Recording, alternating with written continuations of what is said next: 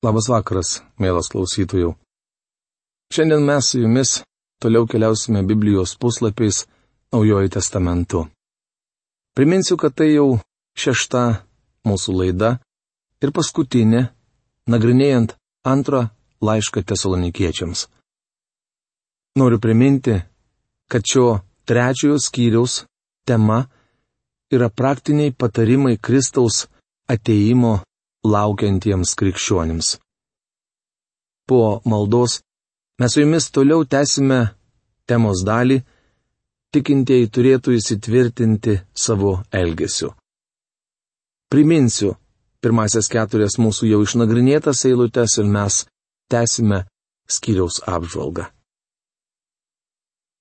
Tėve, dėkojame tau, kad galime šį vakarą išgirsti tave Dėkojom tau, kad tu įdėjai mūsų širdį pasiryžimą įjungti radio imtuvus ir dėkojame tau už dvasę, kurią paženklini kiekvieną tikintįjį, kad kiekvienas asmeniškai galėtume prieiti prie tavęs tą dvasę.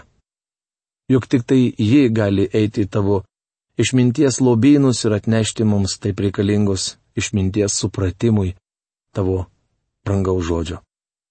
Ačiū tau šį vakarą Ir ačiū tau už tuos, kurie šį vakarą kartu su mumis. Prašom, kad tavo žodžio dvasia prasismelktų į jų širdis ir protus. Palaimink šį laiką. Dėkojame Jėzaus Kristaus vardu. Amen. Pagaliau, broliai, melskitės už mus, kad viešpatie žodis skintųsi kelią ir būtų gerbiamas kaip ir pas jūs, o mes būtume išgelbėti nuo iškrypusių ir blogų žmonių, nes ne visi turi tikėjimą. Viešpats ištikimas, jis sustiprins jūs ir apsaugos nuo pikto. Mes pasitikime jumis viešpatyje, kad vykdote ir vykdysite, ką jums įsakome. Toliau Paulius rašo, kad pasitikite salonikiečiais viešpatyje. Tai reiškia, kad jis pavedė juos viešpačiui, pasitikėdamas, kad jie vykdo ir vykdys, ką jis buvo įsakęs. Jis tikėjo, jog ši tesalonikiečių bažnyčia nuostabų liūdėjimą išsaugos ir ateityje. Viešpats telenkia jūsų širdis į Dievo meilę ir Kristaus kantrybę. Antras laiškas tesalonikiečiams trečias skyrius penkta eilutė. Tikintieji turi gyventi Dievo meilėje. Apie tai kalbama ir pirmo Jono laiško ketvirtos skyriaus šešioliktoje eilutėje. Mes pažinome ir įtikėjome meilę, kurią Dievas mus myli. Dievas yra meilė, ir kas pasilieka meilėje, tas pasilieka Dieve ir Dievas jame. Mėly bičiuliai, Laiško rumiečiams penktos skyriaus penktoje eilutėje parašyta, kad Dievo meilė yra plačiai išlieta mūsų širdyse per šventąją dvasę, kuri mums duota. Tai reiškia, kad tik šventoji Dievo dvasia meilė gali mums padaryti realią. Meilė yra dvasios vaisius. Negalite natūraliai mylėti kiekvieno žmogaus ir aš manau, kad Dievas to iš mūsų nesitikė. Paulius filipiečių krikščionims rašė, jog mūsų meilė turi aukti išmanimu. Tai reiškia, jog turime būti atsargus, kokius aplinkinius žmonės mylime. Kai kurie žmonės, jei atversime jiems savo glėbi, mūsų žais. Žodžiai ir Kristaus kantrybė nereiškia, kad turime ginčytis dėl to, kada įvyks bažnyčios paėmimas iki didžiojo suspaudimo, per didįjį suspaudimą ar po jo. Paulius sako, kad turite kantriai laukti Kristaus ateimo. Tai nuostabų žodžiai. Viešpadės Jėzaus Kristaus vardu įsakome jums, broliai, vengti kiekvieno brolio, kuris netvarkingai gyvena ar nesilaiko mokslo gauto iš mūsų. Antras laiškas Tesalonikiečiams trečias skyrius, šešta eilutė. Žodžiai sakome jums, broliai, reiškia, kad Paulius kalba tiesiai, o ne užuominomis. Tikintysis neturi draugauti su netvarkingai gyvenančiai žmonėmis.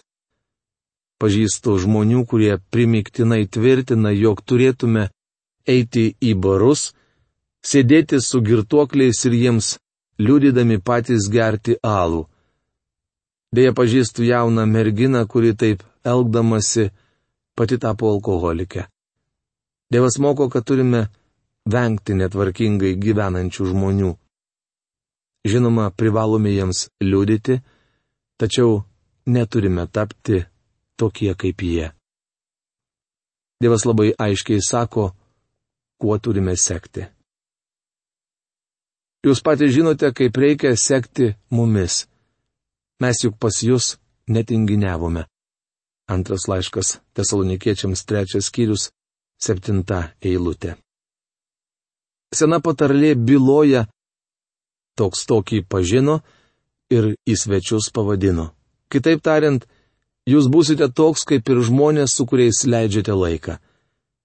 Tikintieji turi labai apdairiai pasirinkti draugus, su kuriais bendrauja. Tikinčiųjų darbai. Tesalonikiečių santykiai su viešpačiu Jėzumi buvo teisingi ir dėl to jiems teko kentėti persikiojimus.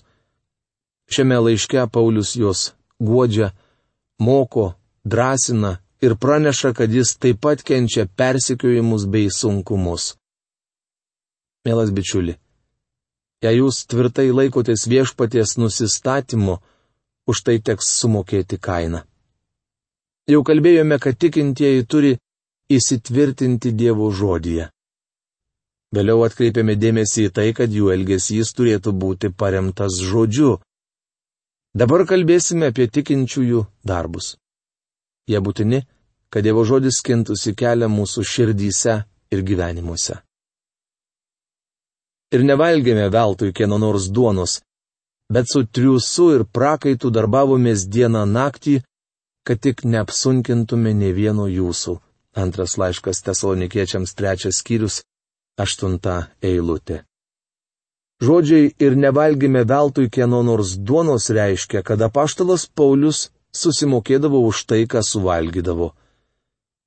Bet su triusu ir prakaitu darbavomės dieną naktį, kad tik neapsunkintume ne vieno jūsų. Paulius misionierišką darbą dirbo be atlyginimo. Manau, kad tai ypač tinka kalbant apie jo pirmąją misijų kelionę.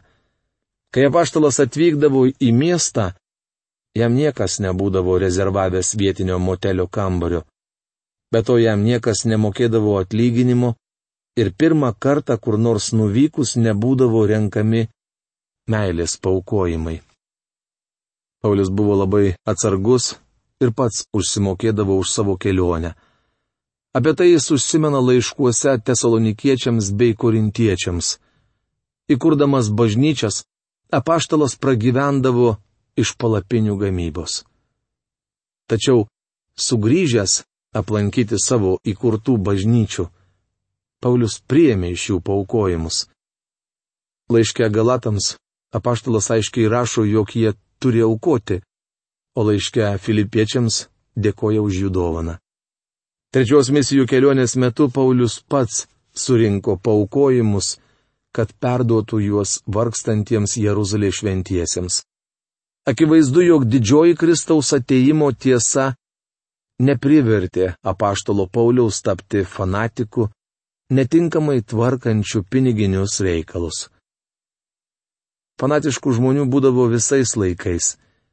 Paskutinėme amžiuje kai kurie taip laukė Kristaus sugrįžimo, kad pardavė savo namus ir nuosavybę, susisupo į baltas paklodės ir užlipo namo stogo Akivaizdu, kad taip galėjo pasielgti tik tikri fanatikai.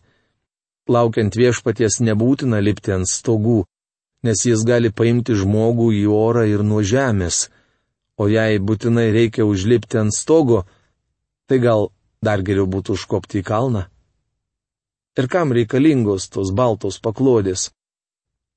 Manau, jog kai pateksime į viešpaties buvimą, jis papuoš mus tinkamų apdarų. Įdomu, kodėl tie žmonės pardavė savo nuosavybę ir pavertė ją pinigais. Galbūt jie mane, kad galės pinigus pasiimti su savimi. Matote, žmonės sakydami, jog tiki greitų Kristaus ateimu, pridaro labai keistų ir beprasmiškų dalykų.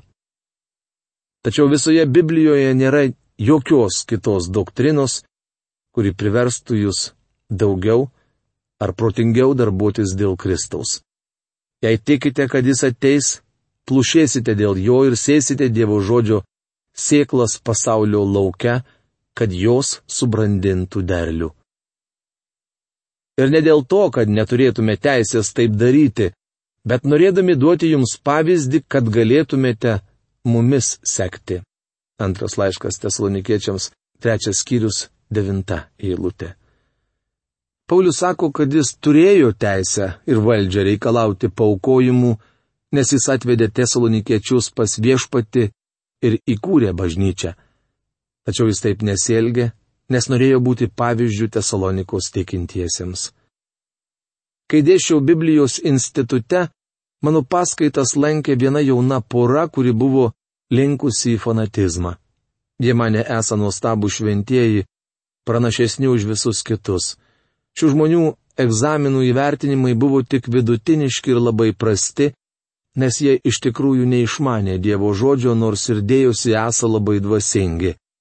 Beje, nemanau, jog žmogus gali būti tikrai dvasinis ir neišmanyti Dievo žodžio. Kai tapau to miesto bažnyčios pastoriumi, toji pora atėjo pas mane ir pareiškė, jog nori vykti į misijas. Jie lankė bažnyčią, kurioje tarnavau, tačiau nebuvo jos nariai. Į mano klausimą, ar jie turi žmonių pasiryžusių materialiai remti, ta pora atsakė neigiamai. Tuomet paklausiau, norite pasakyti, jog vyksite į misijas be jokio palaikymo? Jie atsakė, jog pasitikės viešpačiu. Aš paprieštaravau. Puiku pasitikėti viešpačiu, bet ar negalite pasitikėti, kad jis šiai kieno nors širdį įdės jūsų materialius poreikius? Argi turite laukti, kol nuvyksite į misijas, kad pasitikėtumėte, jog jis jūs išlaikys? Kodėlgi jums neprisijungus prie turinčios gerą vardą misijų tarybos ir nepradėjus dirbti su ją? Ne viešpats pašaukė jūs į misijas, jis įdės jūsų poreikius į tam tikrų žmonių širdis, kurie už jūs melsis ir parems finansiškai. Gaila, bet ši pora nepaklausė mano patarimo, išvyko į misijas ir ten nukentėjo. Jie net neturėjo už ką grįžti, todėl draugai surinko pinigų kelioniai. Nuo to laiko pora išsiskyrė ir gyvena atskirai. Į dar kartą ištekėjo, o jis girdėjau prarado tikėjimą. Atvirai kalbant, abejoju ir iš viso kada nors jį turėjo, nes elgėsi kvailai ir fanatiškai. Paulius buvo labai praktiškas misionierius. Jis užsidirbdavo pragyvenimui darbuodamasi savo rankomis nes siekia būti pavyzdžių Tesalonikos tikintiesiems. Dar būdami pas jūs skelbėme, kas nenori dirbti, te nevalgo. Antras laiškas Tesalonikiečiams trečias skyrius, dešimta eilutė. Viešpaties sugrįžimo laukiantis tikintysis nesvajoja, bet dirba. Apaštalas Paulius rašo, kas nenori dirbti, te nevalgo. Tiesiog stebėtina, kokiais fanatikais kartais tampa žmonės. Vyrų dekanas iš Mudžio Biblijos instituto papasakojo apie vieną incidentą įvykusi maždaug prieš 50 metų. Viename bendrabučio kambaryje gyveno du jaunuoliai, kurie mane, jog yra iki galo pašventinti. Vieną dieną jie nepasirodė valgomajame nei per pusryčius, nei per pietus, nei per vakarienę ir dekanas nuėjo išsiaiškinti, kas atsitiko tai jaunuoliai paprasčiausiai sėdėjo ir žiūrėjo kažkur į erdvę. Dekanas, pasiteiravęs, ar jie neserga, išgirdo neigiamą atsakymą. Tuomet jis paklausė, tai kodėl tuomet netėjote pavalgyti? Jaunuoliai atsakė, jog pasitikė viešpačiu ir laukia, kad jis pasakytų, ar leistis į valgomąjį užkasti. Kai dekanas paklausė, ar jie nori valgyti, vaikinai atsakė, jog taip. Tuomet instituto vadovas pasiūlė, Ar nemanote, kad tai vienas iš būdų, kaip viešpats pasako, kad turėtumėte eiti pavalgyti? Jaunuoliai paprieštaravo. Ne, Mes laukiame iš jo specialaus apreiškimo ir kol jo negausime, niekur neįsime.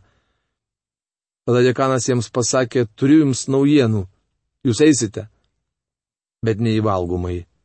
Eisite lauk iš mokyklos. Jums negalima čia pasilikti. Tai baisus fanatiškumas. Kalbant apie pranašystės, ir šiandien susidurėma su tam tikru fanatiškumu. Gana įdomu, kad šio laiško tema yra ateities įvykiai, tačiau didesnį jo pusė skirta praktiniams dalykams. Paulius pabrėžia, jog didžioji tiesa apie Kristaus ateimą pasimti savo bažnyčios yra labai praktiška. Viena yra fanatiškai laikytis pranašystės raidės, o visiškai kas kita tikėti pranašišką tiesą bei praktiškai pritaikyti ją žemiškame gyvenime. Laukdami Kristaus ateimo turime darbuotis. Norėčiau papasakoti vieną istoriją įvykusią Šiaurės Italijoje. Didelio dvaro sodininkas aprodė svečiui pilį ir gražų tvarkingai prižiūrimą sodą. Pietaudamas su sodininku ir jo žmona, svečias pagyrė juos, kad gražiai tvarkoma aplinka ir pasiteiravo, kada paskutinį kartą čia lankėsi šeimininkas. Sodininkas atsakė, kad tai buvo maždaug prieš dešimt metų. Tuomet svečias paklausė, kodėl jūs taip nepriekaištingai ir nuostabiai rūpinatės sudu? Neslaukiu jo sugrįžimo, atsakė sodininkas. Svečias netlyžo. Ar jis atvyksta kitą savaitę? Sodininkas atsiliepė, nežinau, kada jis atvyks, tačiau laukiu jo šiandien. Nors tą dieną šeimininkas ir net važiavo, sodo prižiūrėtojas kasdien buvo pasiruošęs jo sugrįžimui. Sodininkas nerimojo prie vartelių ir nežiūrėjo į kelią, ar nepareina jo šeimininkas. Jis darbavosi sode, karpė gyvatvorę, genėjo medžius, pjovė žolę, sodino gėlės. Paulius sako, kad laukdami viešpaties sugrįžimo mes taip pat turėtume darbuotis. Kas nenori dirbti, te nevalgo. Matote, tarp tesalonikiečių buvo keletas fanatikų, kurie paprasčiausiai atsitraukė ir nusprendė praleisti visą savo laiką laukdami viešpaties ateimo. Paulius rašo, nemaitinkite tokių, jie turi imtis darbo. Mat mes girdime, jog kai kurie jūs iškiai tinginiauja, nieko nedirba, tik niekdarbiauja. Antras laiškas tesalonikiečiams trečias skyrius, vienuolikta eilutė. Kostas burbulys šią eilutę verčia šiek tiek kitaip. Nes mes girdime, kad kai kurie pas jūs tinginiauja, nieko nedirba, tik išasi į svetimus reikalus. Šioje eilutėje aprašoma susiklošiusi situacija. Tesalonikos bažnyčioje buvo keletas tokių žmonių, kurie nedarė nieko konstruktyvaus. Tiem žmonėms buvo neįdomu skelbti Dievo žodį, tačiau jie su malonumu kiždavosi į svetimus reikalus. Jie tikrai visiems įkyrėjo ir tai Tesalonikos bažnyčiai kėlė rūpeščių. Kaip sako patarlė, vienas šaukštas deguto sugadina statinę medaus, o vienas supuvęs obuolys supūdo visą jų pintinę. Bažnyčioje užtenka vieno fanatiko, kad pakenktų daugelio žmonių dvasiniam gyvenimui. Būtent dėl šios priežasties Paulius jau anksčiau minėjo, jog tikintieji turi šalintis tų, kurie netvarkingai gyvena. Manau, jog jis galvoje turėjo įkyruolius. Tesalonikos bažnyčioje šie žmonės buvo užsijėmę kaip termitai, bet iš jų triūso nebuvo jokios naudos. Tokiems įsakome ir juos raginame viešpatyje Jėzuje Kristuje ramiai dirbti ir valgyti pačių pelnytą duoną. Antras laiškas tesalonikiečiams trečias skyrius, dvylikta eilutė. Galbūt šis įsakymas kam nors netrodo labai dvasinis, tačiau jis yra labai praktiškas. Jei įkiruoliai ir ramybės drumstėjai ramiai dirbtų ir darytų ką nors konstruktyvaus, bažnyčioje išsispręstų daugybė problemų. Kartą visiškai atsitiktinai supratau, jog vienoje bažnyčioje labiausiai ramybę drumsdavo tas žmogus, kuris mažiausiai aukodavo. Bažnyčios išdininkas skundėsi man, koks vargas su tuo žmogumi ir aš pabandžiau jį pateisinti. Jis pasiturintis ir aš manau, jog dosniai aukodamas domisi, kaip leidžiami jo pinigai. Išdininkas pažvelgėsi mane nusikvatojo ir pasakė, Viešpaties darbui šis žmogus skiria 10 dolerių per metus. Patikėkite, rūpešių jis sukeldavo daugiau, nei buvo verti 10 dolerių. Matyt, tokių žmonių būta ir Tesalonikoje. Paulius ragina juos ramiai dirbti ir užsimti savais reikalais. O jūs, broliai, nesiliaukite darę gerą. Antras laiškas tesalonikiečiams trečias skyrius, trylikta eilutė. Kaip tai nuostabu. Tikintysis laukiantis palaimintosios vilties turėtų nepavarkti darbuotis dėl viešpaties.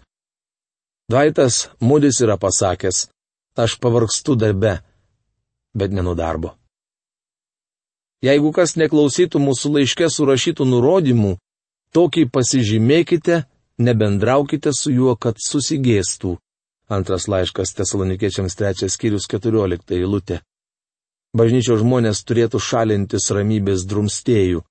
Keista, bet daugelis krikščionių siekia įgyti šių žmonių palankumą, nes žino, jog jie turi piktą liežuvį. Paulius rašo, kad geriausia yra šalintis paskalų nešiotojų. Nelaikykite jų priešų, bet įspėkite kaip broli.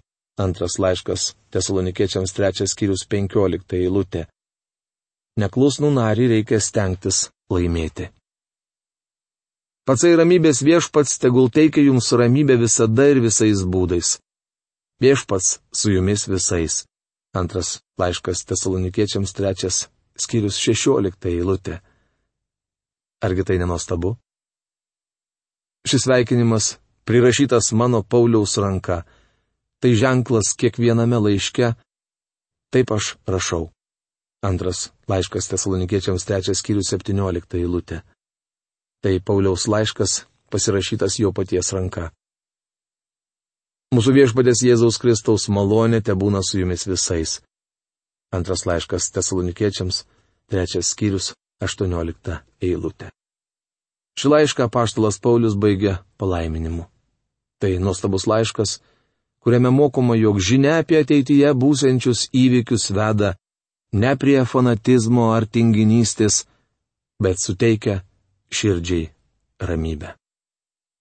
Mielas klausytojų, šiandien mes užbaigėme mūsų buvimą Naujajame testamente ir iš antro laiško tesalonikiečiams peršauksime atgal į Senąjį testamentą ir pradėsime Jeremijo knygos apžvalgą.